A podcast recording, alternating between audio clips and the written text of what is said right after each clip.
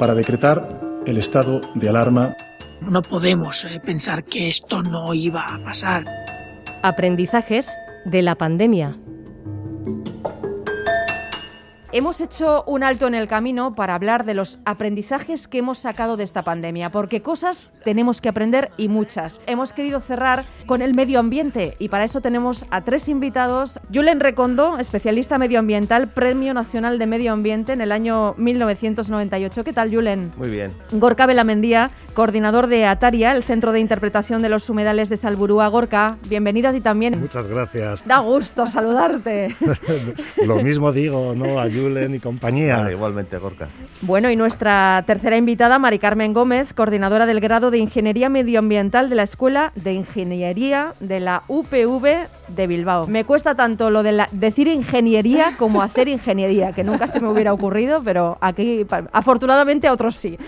Aprendizajes de la pandemia desde el punto de vista medioambiental, con Julen Recondo, especialista medioambiental, con Gorka Belamendía, coordinador de Ataria, y con Mari Carmen Gómez, coordinadora del grado de Ingeniería Medioambiental de la Escuela de Ingeniería de la UPV, aquí en Bilbao. Si tenemos que hablar del rastro que ha dejado la pandemia a nivel medioambiental, seguramente alguno diría, bueno, aquellos cuatro meses que estuvimos encerrados, algo se recuperaría, pero seguro que el balance es negativo, ¿no, Julen? Sí, yo creo que hemos perdido una oportunidad histórica, lo mismo que con la crisis de 2018, para realmente cambiar un poco de modelo de consumo, de modelo de desarrollo, de modelo, eh, pues no sé, de producción de, de, movilidad y todo ese tipo de cuestiones, ¿no? Entonces, de alguna manera hemos vuelto a las andadas poco a poco. Es verdad que en el terreno de la movilidad, pues no sé, los aviones han reducido sus pasajes, ¿no? Eh, los cruceros, pues hace unos días apareció que después de dos años un crucero desembarcó en Guecho, pero a nivel de la movilidad, pues sigue siendo el rey de las ciudades y los municipios un poco el, el vehículo privado, ¿no?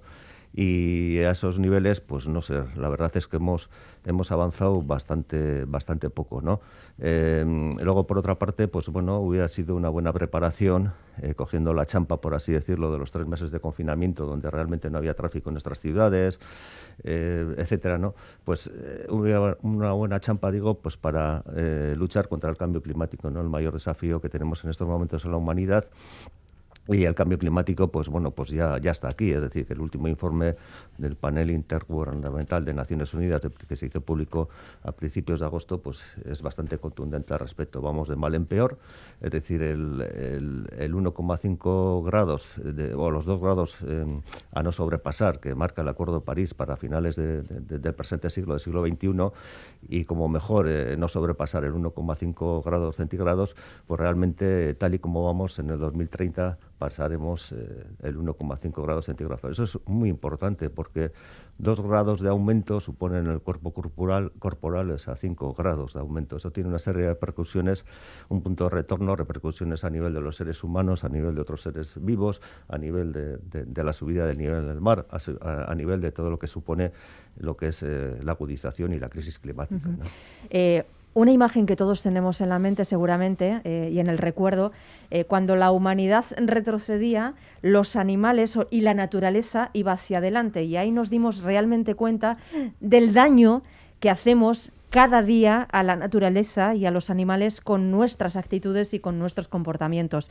Eh, Gorka, tú además eh, desde, desde tu trabajo, ¿no? Seguro que observaste eh, aquellos, eh, aquella reconquista, ¿no? Con, con, muchísimo interés. Pues te iba a decir, Sonia, que efectivamente habría que recordar en estos momentos aquella famosa frase de Parque Jurásico en la que se decía que la vida siempre se abre camino y aquellos días en los que estuvimos pasando un auténtico cerrojazo de nuestra vida social normal y sobre todo en aquellas grandes capitales en las que esta reclusión obligatoria por la crisis del coronavirus hizo que miles y miles de ciudadanos y ciudadanas estuvieran atentos desde sus ventanas a la repercusión que la que, este encierro no tenía sobre la fauna hizo, nos hizo ver ¿no? cómo al final la fauna volvía a recuperar sus terrenos, volvía a recuperar sus anchos campos donde poder llevar a cabo esa transición de su día a día, de tal manera que este fenómeno que en nuestro caso aquí en Vitoria-Gasteiz pues fue palpable, pero hay que recordar que no solamente lo vimos en Bilbao, lo vimos en Vitoria, sino que en grandes ciudades de Japón pues se vio como la fauna que llegaba a ocupar me acuerdo en concreto de un auténtico lugar de belleza escénica, ¿no? que es eh, el pueblo, o sea, perdón, el parque de la ciudad de Nara, ¿no? Eh, toda su fauna, ¿no? Empezó a recorrer la ciudad, inclusive llegando a meterse por las bocas del metro, a recorrer las vías subterráneas. O en Italia, ¿no? Como en Venecia, pues los peces volvieron a recuperar los canales de esta ciudad. O incluso también en la Fontana di Trevi, ¿no? Se empezaron a ver patos, patos eh, salvajes, una cosa inusitada debido a la cantidad de gente que en el día a día iba viendo, eh, se ve allí en aquella fauna. En, bueno, que en definitiva, yo creo que mientras nos estuvimos resguardando de esa fiebre que, tan gravemente sacudió el mundo, la fauna lo que hizo fue a comenzar a recuperar lo que fue, lo que es suyo y lo que fue suyo en aquel momento. Eh, Mari Carmen, hemos aprendido algo de, aquello que de aquello que vimos. Eh, hemos incorporado modelos nuevos de consumo, de viaje. Bueno, eh, evidentemente durante la pandemia, pues bueno, disminuyó muchísimo la movilidad. Eso fue eh, algo, bueno, pues que se, que se midió realmente, ¿no? Bajó en los aeropuertos bajó drásticamente. En Euskadi disminuyó, pues en un 91% el tráfico de pasajeros, no tanto el de mercancías, sobre todo en, Vitoria, pero también disminuyó. Eh, el tráfico urbano y el interurbano, pues eh, hay datos que dicen eh, hasta un 50% disminuyó ese, ese, tráfico urbano. Eso, bueno, pues supuso una bajada en la emisión de, gases de efecto invernadero, como ha dicho Julen que fue bueno pues de manera puntual y durante durante ese tiempo. La contaminación acústica también no se notó el silencio el silencio el silencio. Sin embargo la actividad industrial eh, sobre todo en, pues, en, zonas como regiones como, como, Euskadi, donde tiene una importancia muy... ¿no? Eh, pues en general apenas se redujo. Eso es algo que, que, tampoco, de lo que tampoco igual se habla demasiado, pero bueno, en eh, la mejora de la calidad del aire, por ejemplo, bueno, pues del aire que respiramos en, en, Euskadi durante la pandemia sí que mejoró en algunos contaminantes, sobre todo los relacionados con la movilidad, el tráfico y demás pero eh, nos queda, ¿no? Aquellos emitidos por la industria, pues quizás no mejoraron tanto. Así que se, eh, bueno, eh, tenemos algunos datos desde la escuela, pues bueno, hemos hecho un estudio referido a, ese periodo de confinamiento comparado con los cinco años anteriores y evidentemente, ¿no? Eh, los NOx mejoraron, pero compuestos como el SO2, que también afectan la calidad del aire, pues no mejoraron tanto. Eh, estamos hablando de un 21% de mejora. Partículas, que son un verdadero problema a nivel de, Europa, no mejoraron tanto como se esperaba, sobre todo las gruesas sí, pero las finas quizás que son importantes porque afectan a la salud humana esas eh, prácticamente no disminuyeron durante la pandemia. Y eso es porque la industria siguió trabajando. La industria eh, siguió eh, Lo explicáis por eso, ¿no? Sí, la industria las actividades esenciales. Eso, las actividades esenciales continuaron. Y además también la meteorología fue propicia.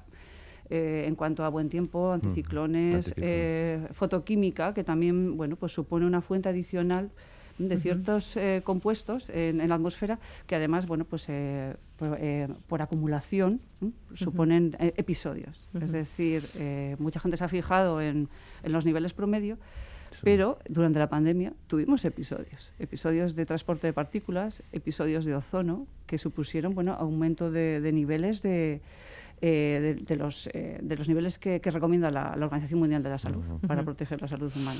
Da la sensación de que nos echamos todos para atrás, nos metimos en casa porque había que estar en casa y había que estar eh, encerrado, pero en cuanto pudimos, volvimos a las viejas costumbres y no aprendimos nada. Esa es la sensación que yo tengo, pero claro, yo quiero que vosotros que sois expertos me lo certifiquéis o no, o, me lo corrijáis. Gorka, ¿tú qué, ¿tú qué crees? Bueno, yo creo que al final tenemos un poco de todo. Desde que terminamos la pandemia se notó, por lo menos aquí en la ciudad de Vitoria, y me imagino que en el resto de Euskadi también, esa de necesidad que tuvimos y que teníamos y que tenemos hoy en día como sociedad de recurrir al medio ambiente, a nuestros espacios naturales, a nuestros paisajes más habituales y cercanos, con el fin de disfrutar del aire libre. Pongámoslo ahí, simplemente del aire libre. Ya no me refiero a disfrutar de la propia naturaleza, del montañismo, del senderismo, de hacer deportes eh, en la naturaleza. Y eso hizo que yo creo que al principio todos nos quisiéramos desestresar y verdaderamente disfrutar. Y ahí es donde se vio la necesidad de tener un medio ambiente cuidado y de calidad con el fin de que la ciudadanía pueda hacer uso de él como quien hace uso de nuestras actividades educativas o quien hace uso del médico directamente. Y a partir de ahí sí que notamos, ¿no? Cómo de repente la montaña necesitaba también volver a recuperar un momento de silencio y un momento de tranquilidad debido a ese aluvión de personas que hasta allí acudieron y que acudieron en algunos casos no siendo del todo, pues. Eh, colectivamente sociables con el entorno, con los lugareños, con el paisanaje de ciertas zonas, de tal manera que veíamos cierta repercusión en el ámbito rural debido a que al acudir en grandes cantidades, no os voy a decir el masa tampoco, pero sí en grandes cantidades, había zonas, pequeños pueblos, por ejemplo, aquí en Álava, que rápidamente pues pusieron su correspondiente queja debido a que no se les había dejado sitios pues para pasar con sus máquinas agrícolas o para personas que habían eh, aparcado en las puertas de entrada y salida de los garajes o de los almacenes o incluso ocupando las propias fincas de cultivo en unos momentos donde el cultivo estaba en crecimiento. Eso nos dio que pensar con el fin de empezar a lanzar mensajes desde aquí eh, hacia la ciudadanía enfocados a que debían de ser empáticos con la ciudadanía rural, dado que era importante, ya que ellos seguían manteniéndose en sus ámbitos normales de, de uso y de frecuencia, como son los propios pueblos. Pero yo creo que ese eh, énfasis, ese ánimo, ese auténtica, eh, ese descubrir la naturaleza, poco a poco fue tornándose hacia la normalidad de lo que habíamos vivido prepandémicamente hablando.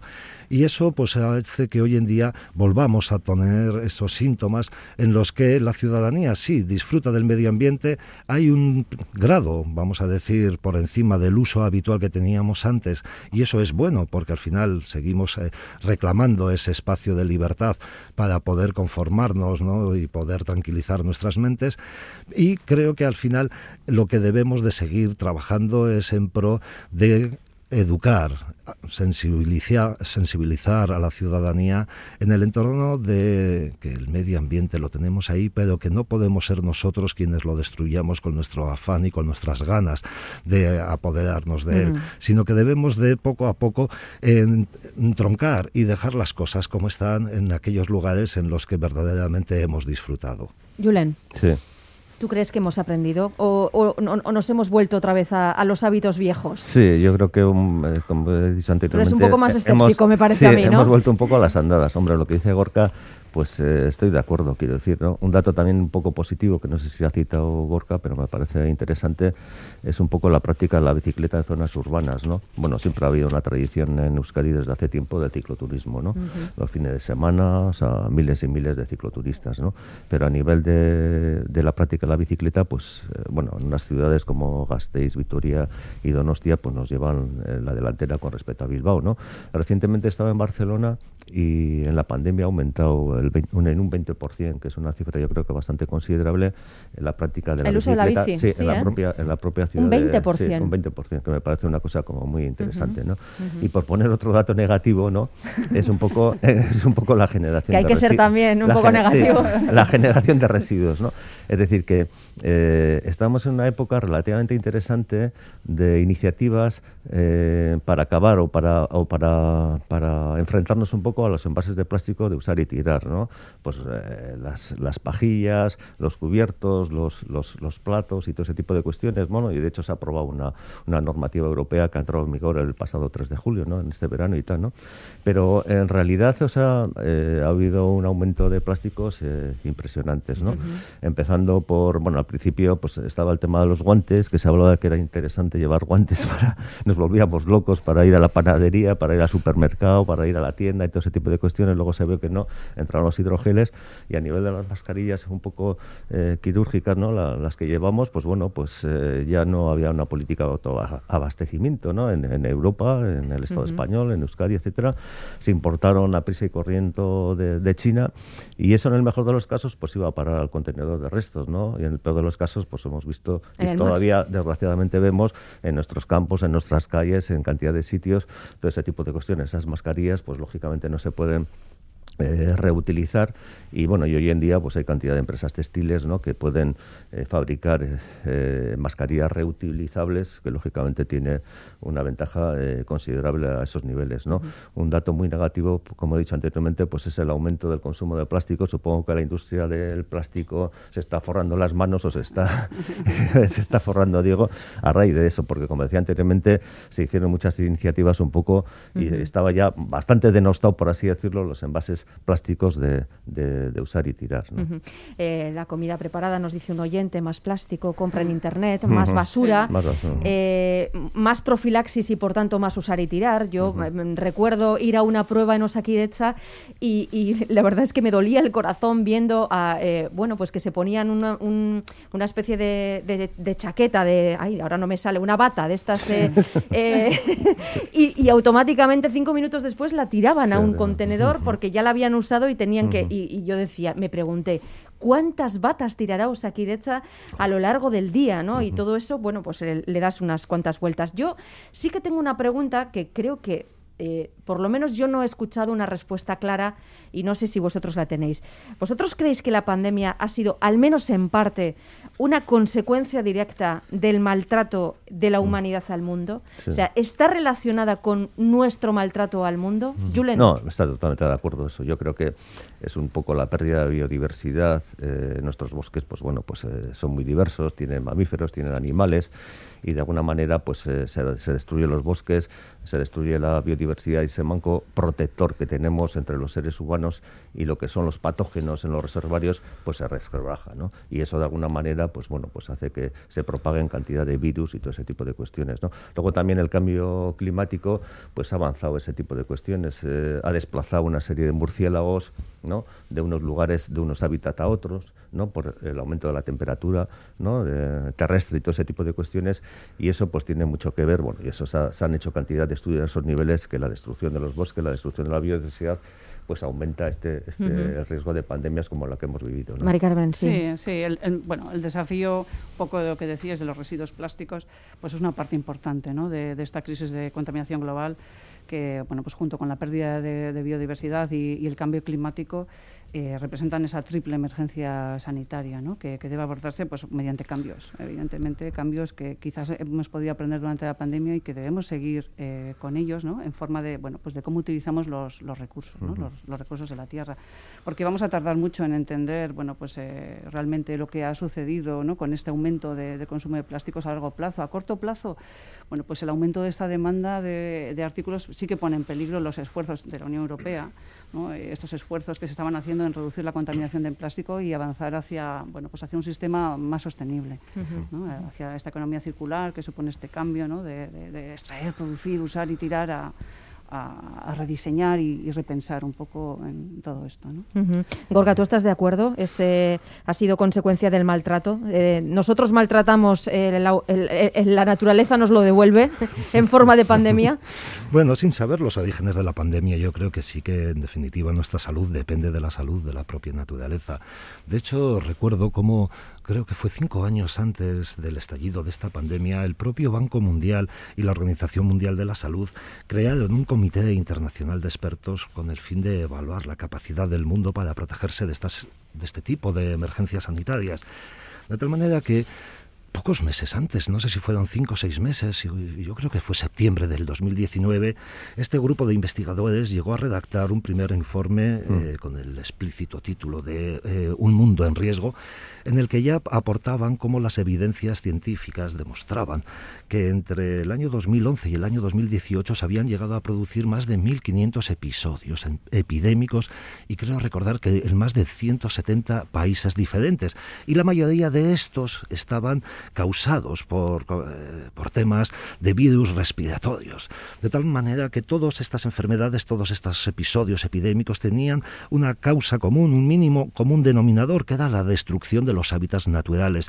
Y también así venía a soslayo y a, eh, con ello la propia intrusión del ser humano para ponerlos, estos puntos, estos eh, áreas terrenales en producción agrícola o incluso llegar a ampliar los asentamientos humanos en sí.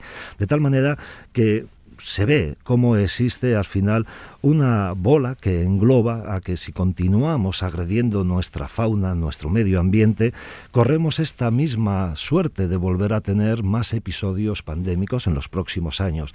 Y esto es debido a que muchos de los virus que todavía a día de hoy son desconocidos para la propia ciencia están enclavados en los perfiles genéticos, en los perfiles eh, de las cadenas de los propios medios del propio medio natural. Los mensajes apocalípticos yo creo que ya no funcionan. Ni siquiera el mundo se acaba, ya parece que tenga efecto sobre nosotros. Estamos eh, vacunados. Contra eso sí que estamos absolutamente vacunados. No, no, no, nos hacen efecto. Eh, ¿Hay algo que nos vaya a hacer efecto? ¿Hay algo que sea, que sea eficaz? Julen, ¿tú cómo lo ves? Yo a la hora un poco de lanzar mensajes y todo eso, sí que, sí que hay que estudiar un poco todo el tema, ¿no? Eh, eh, creo que, bueno, y haciendo una labor un poco autocrítica, ¿no? Como divulgador y tal, pues sí que podemos caer, eh, he podido caer un poco en mensajes apocalípticos, catastrofistas y tal y cual, ¿no? Lo que pasa es que analizando también un poco la realidad, la realidad está muy mal, tenemos el cambio climático, vamos muy atrasados, el cambio climático ya se está dando, tenemos que hacer procesos no solamente de mitigación, o sea, políticas de mitigación y adaptación, y a esos niveles es importante eh, analizar un poco los mensajes que se ha dado. Yo soy en la línea de que hay que lanzar mensajes no tan tremendistas, eh, lo cual no quiere decir que haya que falsificar la realidad de la situación medioambiental actual, pero que hay que lanzar mensajes también optimistas, de que tenemos una oportunidad de cambiar las cosas, de que realmente hay esperanza, de que, tenemos que actuar ya y todo ese tipo de cuestiones. ¿no? Y yo creo que ese tipo de, de, mensajes son importantes. Eh, también se dice, bueno, y hay una falta de información por parte de la ciudadanía y tal y cual.